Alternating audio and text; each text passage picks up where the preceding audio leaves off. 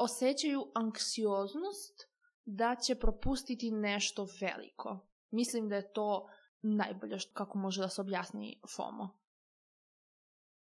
Zdravo ljudići moji i dobrodošli u novu epizodu podcasta 20. kusur. Ja sam Kristina i ja sam domaćica ovog podcasta, jedina osoba koja priča o ovom podcastu. Doduše koliko često i redovno ga snimam onako nisam baš, mogu da kažem da nisam baš bila redovna u zadnje vreme, ali nadamo se da će se to promeniti, tako da stay tuned zato što planiram da zaista ozbiljnije malo shvatim ovaj svoj projekat i da malo budem konsistentnija. Šta da radim, životne krize ne biraju kada će nas udariti. I kad smo već kod životnih kriza, današnju temu zapravo hoću da počnem pričom o svojoj životnoj krizi zato što mislim da je to nekako najpovezan, da je ova tema jako povezana sa tim što se meni dešavalo. Mislim, sve ove teme o kojima pričam su jako povezane s mojim životom. Ipak, jednako, ja se inspirišem kroz svoj život i život ljudi u mom okruženju za sve ove teme, pa tako i za ovu danas. Ovom, ovo je najviše inspirisano realno mojim životom, ali i životima drugih. U suštini, Ono o čemu danas želim da pričam, kao što ste verovatno shvatili, iz naslova jeste e, kako, kako mi percipiramo tuđe živote koje oni postavljaju na internetu, kako to što gledamo iz tuđih života utiče na naš život i generalno malo više o plasiranju života na internetu, ako tako mogu da kažem, na različite načine. To jest, mogu da ka, ako naj, najosnovnije mogu da kažem, veza realnog života i interneta je tema današnje epizode. Ja sam neko ko puno vremena, baš puno vremena, provodi na društvenim mrežama kroz pasivno konzumiranje sadržaja pre svega, ali sve više kroz aktivno ne, mislim da ne može da se kaže aktivno konzumiranje sadržaja, mislim Tehnički, verovatno bi moglo, ako možemo da kažemo ono da ja tražim sadržaj, što iskreno, sad, evo sada, ovo nemam u skriptu, ali evo sada kada razmišljam, ja zapravo jako malo sadržaja na internetu sama namenski tražim. Naprimjer, na YouTube-u, ako tražim, tražim neku pesmu, ali, na primjer, većinom konzumiram sadržaj koji mi algoritam preporuči. Pa sad, na primjer, ja možda ili možda me inspiriše kao neki video koji mi već preporučen, pa ja potražim sličan sadržaj, ali realno da ja sada odem na YouTube sa namjerom da kao tražim, tipa najviše što tražim jeste joga, bukvalno videe za jogu i to je to. To sam počela da tražim, ali evo sem toga kada razmišljam, na primjer, neki ovako edukativan sadržaj ili slično koji inače konzumiram najviše na YouTube-u, u smislu e, video esej i to 99% stvari zapravo konzumiram ono što, to jest da gledam ono što mi algoritam preporuči, što možemo reći da je onako malo problematično. Ali to je problematika za drugi dan, tako da neću sada da... Ali eto, sad, sad sam uzela da razmišljam o tome. Mislim, kad razmislim onda na Instagramu i na TikToku je to još više slučaj. Tipa na TikToku ja ne znam da li sam četiri puta u životu za svih ovih godinu i po dana što imam TikTok ja ušla u onaj bar za pretraživanje s namjerom da potražim nešto što ću da gledam. To je jako fascinantno. Mislim, kao meni se sviđaju stvari koje su, zato što ja sam sama nahranila svoj algoritam, ali onda pomisliš, šta sve postoji na TikToku, o čemu ja nemam pojma, zato što nije TikTok pretpostavio da je to sadržaj za mene i kao nikad nisam došla u kontakt s tim. Isto važi i za Instagram, isto važi i za YouTube. Kao, ili razmišljate vi o tome nekad? Evo ja nisam do sad razmišljala, iako sam, moram da priznam, nišla par puta na videe koji su onako povremeno, pošto ja pratim te razne video eseje, da li to bilo na TikToku, da li to bilo na YouTubeu, na gde god. I zaista, mm, iako sam razmišljala, kao, iako sam e, slušala to, ja nikad nisam uzela da razmišljam o tome, eto, zanimljivo. Jako zanimljivo. Znači, u suštini, realno, većinu vremena pasivno konzumiram sadržaj na internetu. Redko šta tražim aktivno, baš namenski. Ali sam dosta svesna sa, kakav sadržaj konzumiram. Mislim, evo, i da ili se trudim, kao na primjer sada ili nedavno, o čemu ću isto da pričam malo, trudim se da osvestim kakav to sadržaj konzumiram. Evo, na primjer, sada sam u situaciji kada sam odlučila da ću, da želim da eliminišem u narednih godina dana sve sadržaje romantičnog tipa ili sa romantičnim asocijacijama iz svog života i sad to ide u više etapa zato što onako moram malo po malo da se detoksiram zato što sam i, i sama činjenica da to ide u toliko etapa mene navodi da ja shvatim koliko zaista ja konzumiram tog sadržaja, tog couples um, stvari, tipa videa ili trendova opet koji su s parovima i svašta nešto tako. Uopšte nisam, dok nisam sada ovo uzela, ja sam kao kapirala sam da ja to gledam, pošto ono zanimljivo mi je, sviđa mi se, ali nikad nisam shvatila koliko mnogo to gledam. Zato što sam sada u procesu kada pokušavam da eliminišem sve više sadržaja na internetu koji čini da se osjećam loše u vezi svog života kada ga pratim što je realno bilo puno sadržaja i ovo ide u nekoliko etapa to i sad ovo, ovo sa romantičnim sadržajem je kao dve različite stvari u mom, dve različite promene su se poklopile tu. Ali u svakom slučaju pokušavam eh, da budem sve svesnija sadržaja koji konzumiram na internetu, zato što mislim da je to nešto što svi moramo sve više da radimo, zato što je činjenica da smo pretrpani sadržajem na internetu i da moramo da mnogo više biramo i da, da biramo prosto čemu ćemo da posvetimo svoju pažnju. I kome ćemo da damo svoj klik i kome ćemo da damo svoja 2 minuta, svojih 30 sekundi, 15 sekundi ili 5 sati života zato što je činjenica da previše vremena, mislim previše, sve više i više vremena provodimo na telefonima, na internetu i ja ne vidim da će to da se promeni u skora, skorije vreme, tako da mislim da ipak mi moramo malo da osvestimo više neke stvari koje se nalaze u pozadini naše konzumiranja sadržaja i to je donekle ono o čemu danas hoću da pričam. Ovako, hoću da krenem, mislim, tema kojom želim danas da se pozabavim jeste FOMO, Fear of Missing Out. Ne znam da li ste, koliko ste upoznati sa ovim pojmom, u suštini Fear of Missing Out je izraz koji je skovan iskreno ne, ne znam kada, ali mislim da se mnogo, sve, da se nekako najviše koristi upravo po pitanju interneta, društvenih mreža i svega toga. Mislim da je sada do, bukvalno došlo do buma i objasnit ću zašto je to. Inače, FOMO jeste uh, prevod uh, tog fenomen, naziva fenomena. E, fear of missing out je strah od propuštanja. I ja ću da koristim izraz strah od propuštanja ili FOMO kroz ovu kroz ovaj sada podcast, tako da to to, to je to u suštini. Ja sam, kao što sam pomenula, kao što sam se našalila na početku epizode, prošla kroz i dalje prolazim kroz svoju prvu veliku životnu krizu. I mogu da kažem da je moja životna kriza u mnogome povezana sa sadržajem koji sam konzumirala i koji konzumiram na telefonu, sa telefonom, sa internetom i generalno sa modernim tehnologijama. Zato što je ona počela nekako kada se desila korona, kada sam ja ostala kući, mako baš zaglavljena u kući kao i većina ljudi i bez nekih drugih stvari da radim, sam se okrenula telefonu i nekako nisam se udaljila od tog telefona. Iako je prošlo, prošlo taj prvi talas i onda ljudi su ipak nekako vratili nazad svoje živote koliko toliko ja u tome nisam uspjela i kao meni je telefon zapravo i kao internet i konzumiranje sadržaja bilo beg od svoje realnosti kojom nisam bila zadovoljna. I to, i to je bukvalno postao moj coping mehanizam.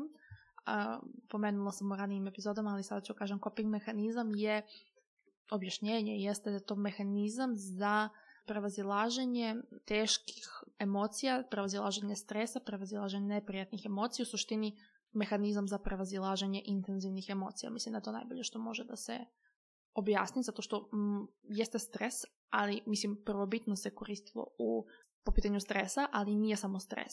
To je coping mehanizmi postoji za druge emocije, za usamljenost, kao što je bio slučaj sa mnom i jeste slučaj sa mnom, ili žaljenje, kada su ljudi u e, fazi žaljenja imaju različite mehanizme, e, takođe bes, ljutnja, stres, kada ljudi e, prolaze kroz break-up, znači kroz raskid, takođe i tu postoji coping, različiti coping mehanizmi, neki su zdravi, neki su manje zdravi, o tome sam pričala u nekoj od ranijih epizoda, ne mogu se da setim koja je, ali sam malo više pričala upravo o tome da postoje različiti coping mehanizmi i da treba da se trudimo da vodimo, da koristimo što zdravije coping mehanizmi. I sada, na primjer, telefon je bio moj coping mehanizam.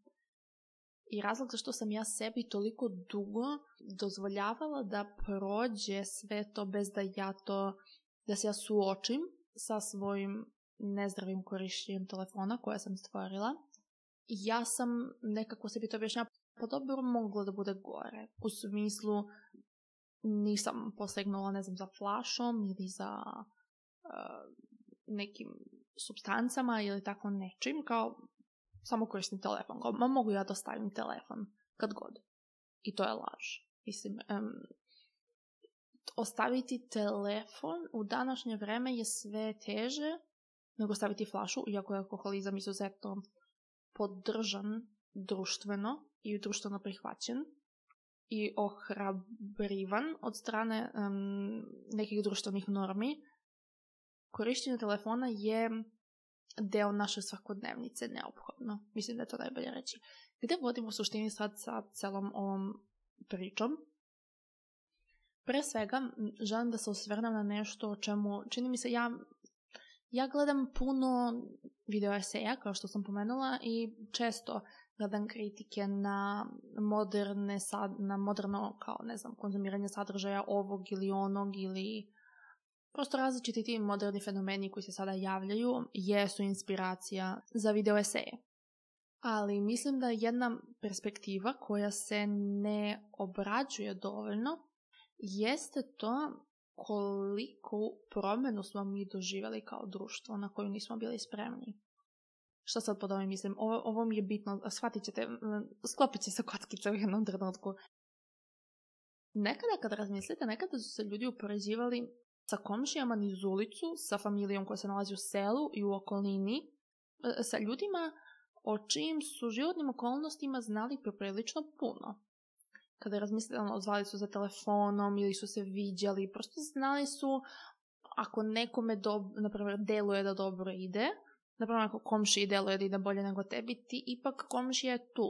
Ti si bio mnogo svesniji toga šta se dešava u njegovom svakodnevnom životu. Samo trebalo da pogledaš kroz prozor i video si mnogo više nego što je vjerojatno komšija želeo da vidiš. I to su bili ljudi sa kojima su ljudi mogli da se upoređuju i sa kojima su ljudi mogli da upoređuju svoj život i svoju ličnost i svašta nešto. Naravno, sada moram da kažem, postojali su ljudi koji su izlazili van svog mesta, ali ako ćemo da budemo iskreni, putovanje je nekada bilo mnogo veća privilegija nego što je danas, iako je danas putovanje strašno skupo i dalje. Predstavlja luksuz za mnoge ljude i dalje. Nekada je to bio mnogo, mnogo veći nivo luksuza. Putovali su obično ljudi koji su putovali zbog posla, znači trgovci, putovali su ljudi koji su imali puno para i putovali su ljudi koji su bili izuzetno avanturistički nastrojeni. To su obično bili tipovi ljudi koji su putovali. I ljudi koje muha natera i kad su ratovi, ali mislim, to se tehnički ne računa baš. Ali razumete šta hoću da kažem. Moja poenta je da ljudi koji su videli više od svog mesta bili su u velikoj manjini drugi ljudi su mogli na početku samo da čitaju u knjigama o nečemu što je opet bila jako razvodnjena i perspektiva koja nije ni približno mogla da opiše razne neke... I ako je opisivala na dobar način, ipak pročitaš jednu knjigu i to je to. Pročitaš, ne znam, nađeš nakon nekog vremena još jednu knjigu. Um, kako si mogao da znaš o tome kako neko u Americi živi, osim ako nisi mogao da čitaš o tome? ako nisi mogu da, da čuješ od nekog ko je otišao, što su opet sve nekako jako obrađene, skraćene verzije i jako ograničene verzije. Onda je došao film, došla je televizija, ali i dalje to nije bil, moglo da bude na tom nivou. Znači šta je bilo nekoliko filmova, ipak film je ranije bio, i dalje je izuzetno velika produkcija, ali razumete, film je velika produkcija E, serija je velika produkcija, čak i uživo, na primjer, da gledaš neke emisije i to i dalje produkcija koja traje i jako je ograničena vremenski. Danas smo mi u prilici da se upoređujemo sa bilo kojom osobom koja odluči da sa svetom podeli delić svog života. Života o kome mi apsolutno ništa za sigurno ne znamo, izuzev ako smo sa tom osobom bliski lično ovako što nije tako često. I što je zapravo opet se svodi na mali broj ljudi. Znači danas svako ko ima telefon može da upali YouTube live ili Instagram live ili TikTok live, bilo koji live, pazite live, i da snima bilo šta što mu se dešava u životu. Isto tako ima jako veliku moć individualnu da odredi šta prikazuje u svom životu. Znači ima potpunu editorijalnu moć šta će da prikaže, šta neće. I kada razmislimo, iako mi mislimo da kao smo hronično online, što je činjenica, to je kao jedna od fraza koja, ne znam, kao ok mi je, nisam oduševljena, ali ima smisla. Iako nam se čini kao da ljudi mnogo izbacuju u svom životu, čak i kad pogledate ove influencere, realno koliko mnogo njih zapravo izbacuje tipa preko 20 storija dnevno ili preko 30 storija. Ne toliko puno njih. A kada razmislite 30 storija, koliko traje storij? 15 sekundi. Uradite matematiku, ja nisam dobro u matematici, ali to, ja da to ima sat vremena nečijeg života da gledamo, ja ne znam, možda ima, ali nije ni bitno, mislim da nema ako pogledate svih 15 sekundi do kraja, ne, nebitno je. U svakom slučaju hoću da vam kažem da mi zapravo sa interneta, iako nam se čini, imamo tu iluziju da mnogo više vidimo tuđim životima, mi zapravo ne vidimo skoro ništa. Mi vidimo slike koji su znači trenuci izabrani, snimke koji su također trenuci izabrani, koji su izeditovani i jedno i drugo sve više i više su potpuno photoshopirani, o tome da ne pričam uopšte, što ljudi bukvalno što photoshopiraju cele, ne znam, letovanja ili što god, cele, put, cela putovanja. Ali to, to je moja poenta. Mi imamo sve, previše ljudi sa kojima možemo prelako da dođemo u kontakt, sa čim životima možemo da dođemo u kontakt, da se uporedimo. A mi zapravo ništa ne znamo o tome. I ne želim da zvučem kao bumerka sad kad pričam o ovome. Moj cilj nije da kažem kako je ranije bilo bolje, zato što iskreno ja baš to ne mislim za puno nekih stvari, kao što i ovo, već hoću da ukažem na to da nas niko nije pripremio na promene ovolikih razmera Za koliko? Za 20 godina se ovo desilo. Kao kad smo se rodili, nije moglo da se deli toliko o svom životu javno, brzo, koliko može sada. Ako koliko to prošlo 23 godine od kako sam se ja rodila. Niti je, e, nismo bili spremni na ovo, niti, niti je bilo ko mogu da nas spremi. To je činjenica i to je nešto što ja smatram da se zanemaruje to kada se kritikuju razne neke stvari, zanemaruje se to koliko smo mi nespremni i koliko ljudi ne stane da porazmisli o tome koliko ovo što se sada dešava je jedan absurd za svu istoriju koja je iza nas. Znači, mi živimo u trenutku kada ovo što mi doživljavamo, ja mislim da ljudi pre 300 godina nisu mogli da sanjaju. Ja mnogo mrzim kada ljudi kažu kao nemojte da se supređete sa drugima. Kao da je to lako. U našoj ljudskoj prirodi jeste da se mi upoređujemo sa ljudima. Većina nas to radi nesvesno i koliko god vi pokušali da iskorenite to, niko nije potpuno oslobođen poređenja. Mislim da je to jako bitno da u vreme kada postoje sve ove pozitivne porukice i mislim sve to super. Ja volim na Pinterestu da to vidim, da mi to bude onako lepo i sačuvano onako da, da me motiviše. Ali ja sam svesna da niko nije potpuno oslobođen od poređenja. To je celoživotni trud svestan trud da mi se oslobodimo od poređenja sa drugim ljudima ili da makar to poređenje svedemo na neki minimum i da ne dozvolimo da i kada nam se desi da se uporedimo, da, da to ne dovede do toga da se osjećamo mnogo loše u vezi sebe ili da izazove jako, jaka negativna osjećanja, već posto kažemo dobro, ta osoba je tu, ja sam ovde i to je okej. Okay. Do toga treba mnogo da se radi. Kamo li sve ono pre toga što ide, dok se dođe do tog trenutka. I to je normalno. Ono što nije normalno je to što imamo na izgled beskonačan broj ljudi sa kojima možemo da se upoređujemo. Ali to je naša realnost i kao što sam rekla malo ranije, to je realnost od koje ja mislim da ne možemo da pobegnemo, u smislu da je ona tu, da ostane i pitanje u kojem u, kom, e, u koji razmeri ćemo moći da je promenimo na globalnom planu i koliko mi to zapravo želimo, zato što ja ću prvo da kažem da ja ne želim da ne mogu da gledam žene iz različitih i muškarce, ali ja iskreno više na YouTube gledam žene i na TikToku i generalno više pratim žene na društvenim mrežama svim.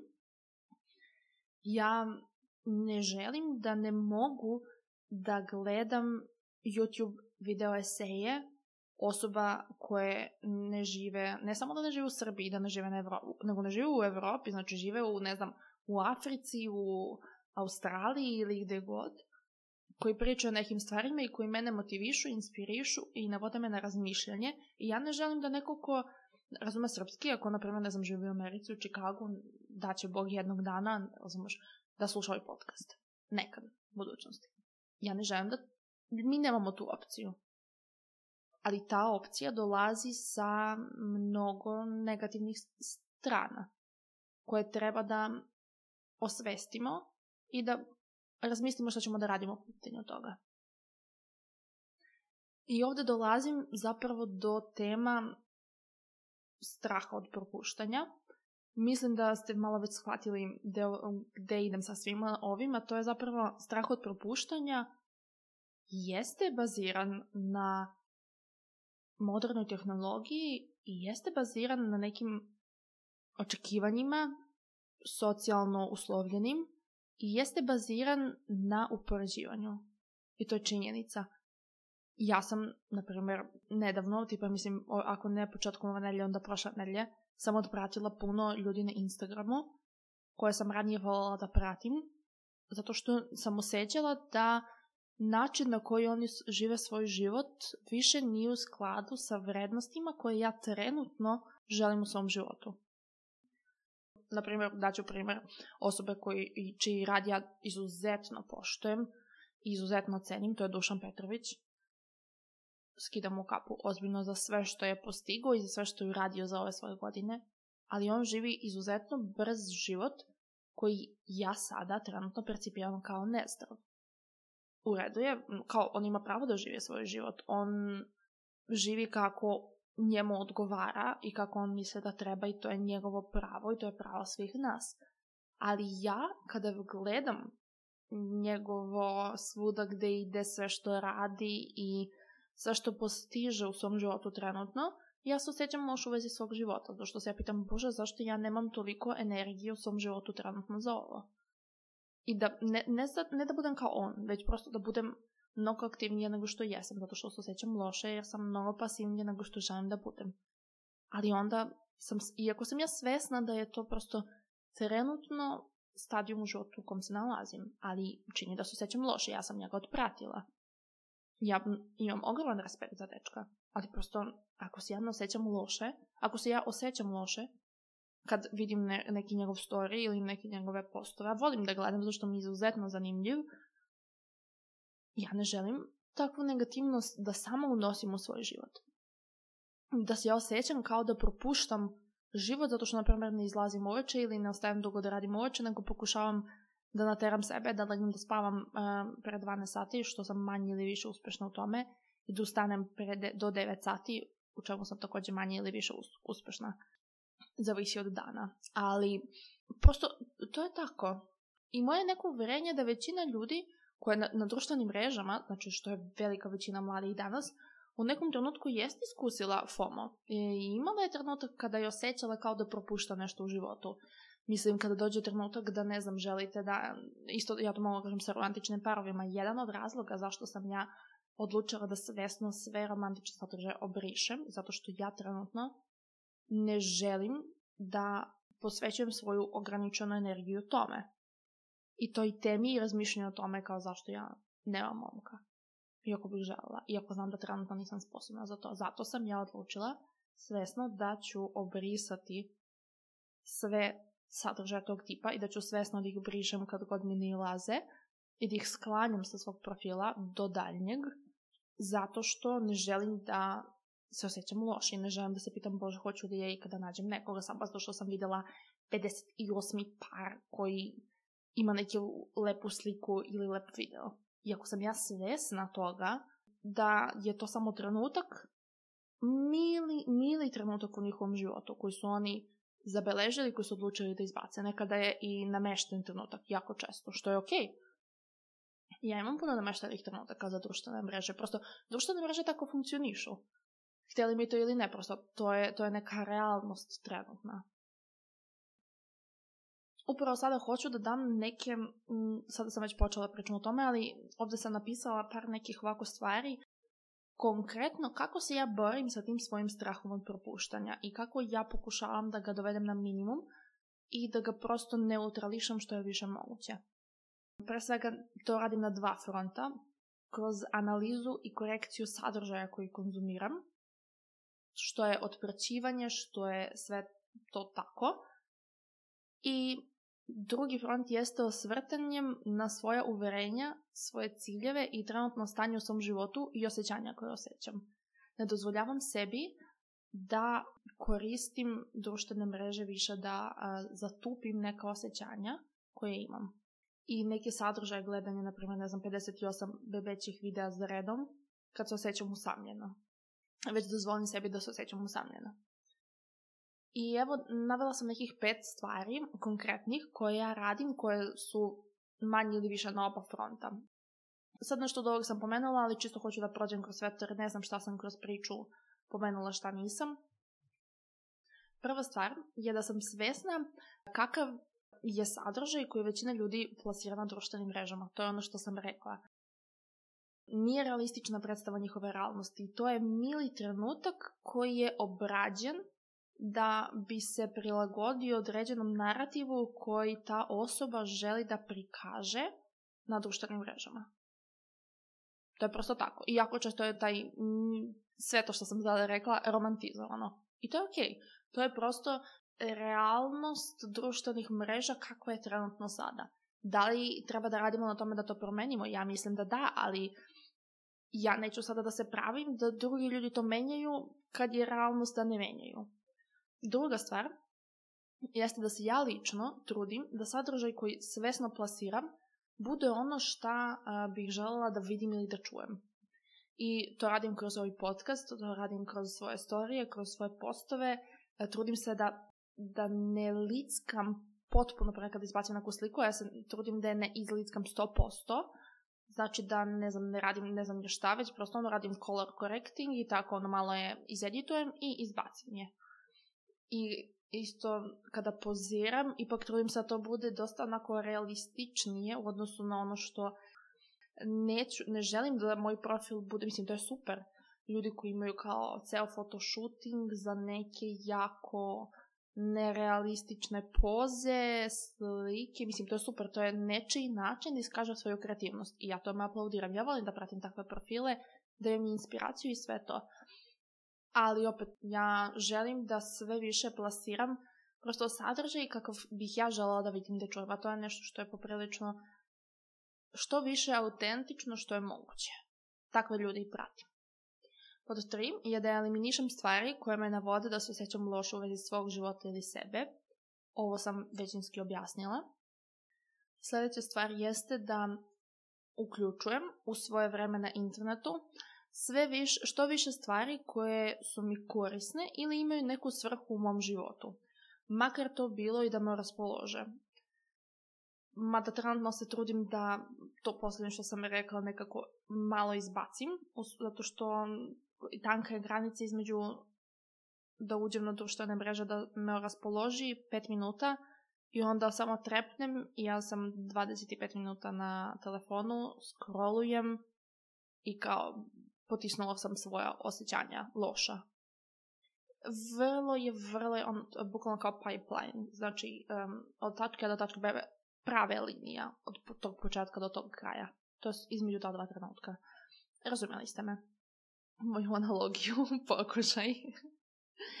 Ali da, e, trudim se da što više stvari, prosto da hoću da kada pratim sadržaj, da to prosto bude nešto što je meni korisno i da ja imam neku vrednost koju u skladu sa mojim uverenjima, ciljevima i svim što sam već pomenula.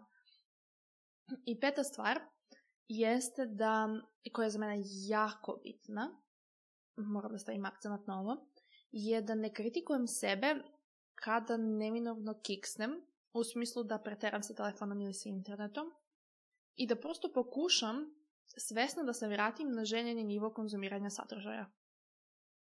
Ovo je za mene jako bitno, zato što ja se dosta mučim stvarno sa, sa tim, tako da baš on umem, imam, kada preteram, baš puno preteram, to jest preterivala sam, sada sam postigla neki zadovoljavajući nivo kontrole, ako tako mogu da kažem, nad svojim korištenjem telefona i mislim da mi to malo bolje ide. Ali i dalje imam trenutke kada definitivno koristim telefon više nego što bih želela i više nego što bi trebalo i društvene mreže i šta god. I prosto se trudim da se samo vratim nazad, kao od onog što sam radila pre godinu dana, trebalo mi je godinu dana svesnog truda da spadnem sa prosekom 10 sati na telefonu svakog dana do proseka 5-6 sati, gde mislim da sam sad, možda 7, zavisi. Godinu dana mi je trebalo da to spustim.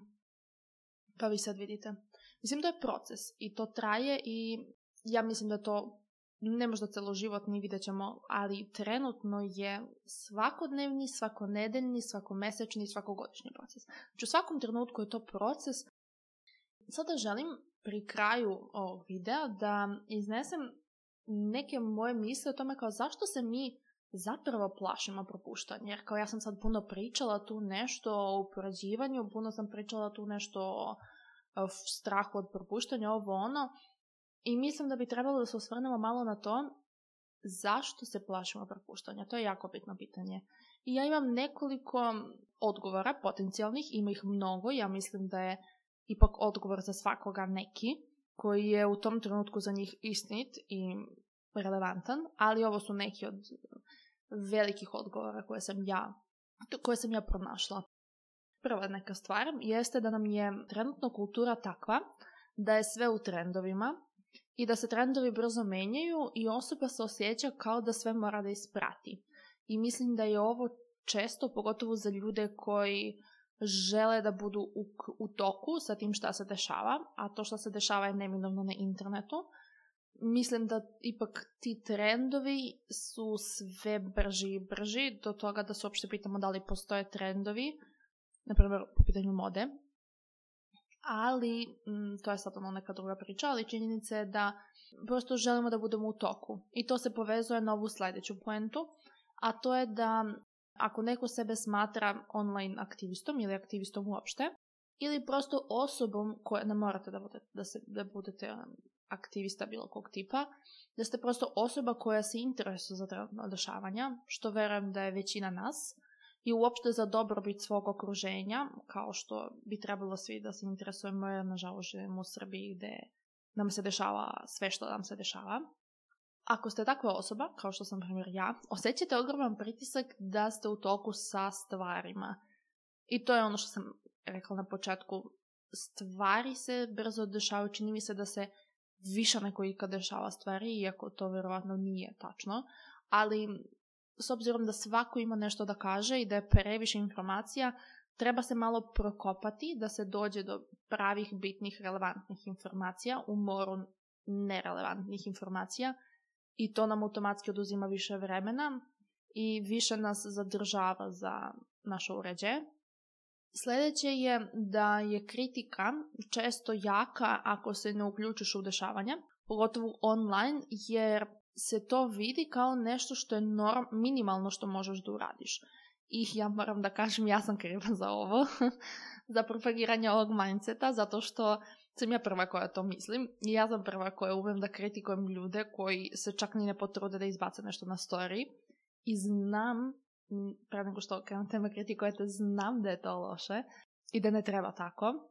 Trudim se ja da to sebi objasnim i čini mi se da, da manje nego do sada to radim, onako da sam poprilično smanjila, ali prosto to je neko moje uverenje i to je neki problem sa kojim se ja to mučim po pitanju propuštanja, definitivno poslednja stvar koju ću da navedem i koja je verovatno nešto sa čime se većina ljudi zapravo ono, relatuje, jeste da su e, životi ljudi u našem životu na internetu i da smo mnogo manje u jedan na jedan kontaktu jer se očekuje da se kroz, društa, da kroz društvene mreže održavamo kontakt i da prosto od, ono, keeping tabs o tome šta se dešava u čijem životu nekako manje se dopisujemo, manje pričamo, pogotovo što velika verovatnoća i da ljudi prosto vide i onda kao da ne znamo da li da pričamo, sve on, je, meni koliko mi se puta desilo da ja, zato što sam vjerojatno aktivnija nego prosečna osoba koju ja pratim, koliko puta mi se samo desilo da ja, kad pričam s nekim nešto kažem ovo i oni meni kažu, aha, video sam kod tebe na storiju i ja nekako, da li sada treba da uđem, da nastavim tu priču jer to što si ti danas stvorio samo delić, kao ima još priče ili ti time hoćeš da kažeš da ćemo da, da smo završili tu temu i da znaš sve što ti interesuje da znaš. jeste malo čudno je vreme i treba da radimo na tome da što više prilagodimo sve ovo sebi, ali mislim da je to nekako najviše većina ljudi se prosto verovatno moja pretpostavka da se plaše da i nije čak tako da plašiti se, već prosto osjećaju anksioznost da će propustiti nešto veliko. Mislim da je to najbolje što, kako može da se objasni FOMO. Neka anksioznost da će nešto da se desi, a da ti nećeš da čuješ za to i da znaš za to i da budeš u toku zato što nisi prisutan u tom trenutku bio. I za kraj, sam kraj, da li postoje neka rješenja, šta dalje, iskreno ja pojma nemam, Obožavam kad zaražuju epizode, tako da kažem, ja nemam rješenje na ovo. Ali mislim, iskreno je. Ja mislim da nije realistično da mi šaljemo ljudima poruke tipa obriši Instagram ili neka tako ekstremna rješenja za probleme koji deluju kao da će biti naša realnost duže vreme.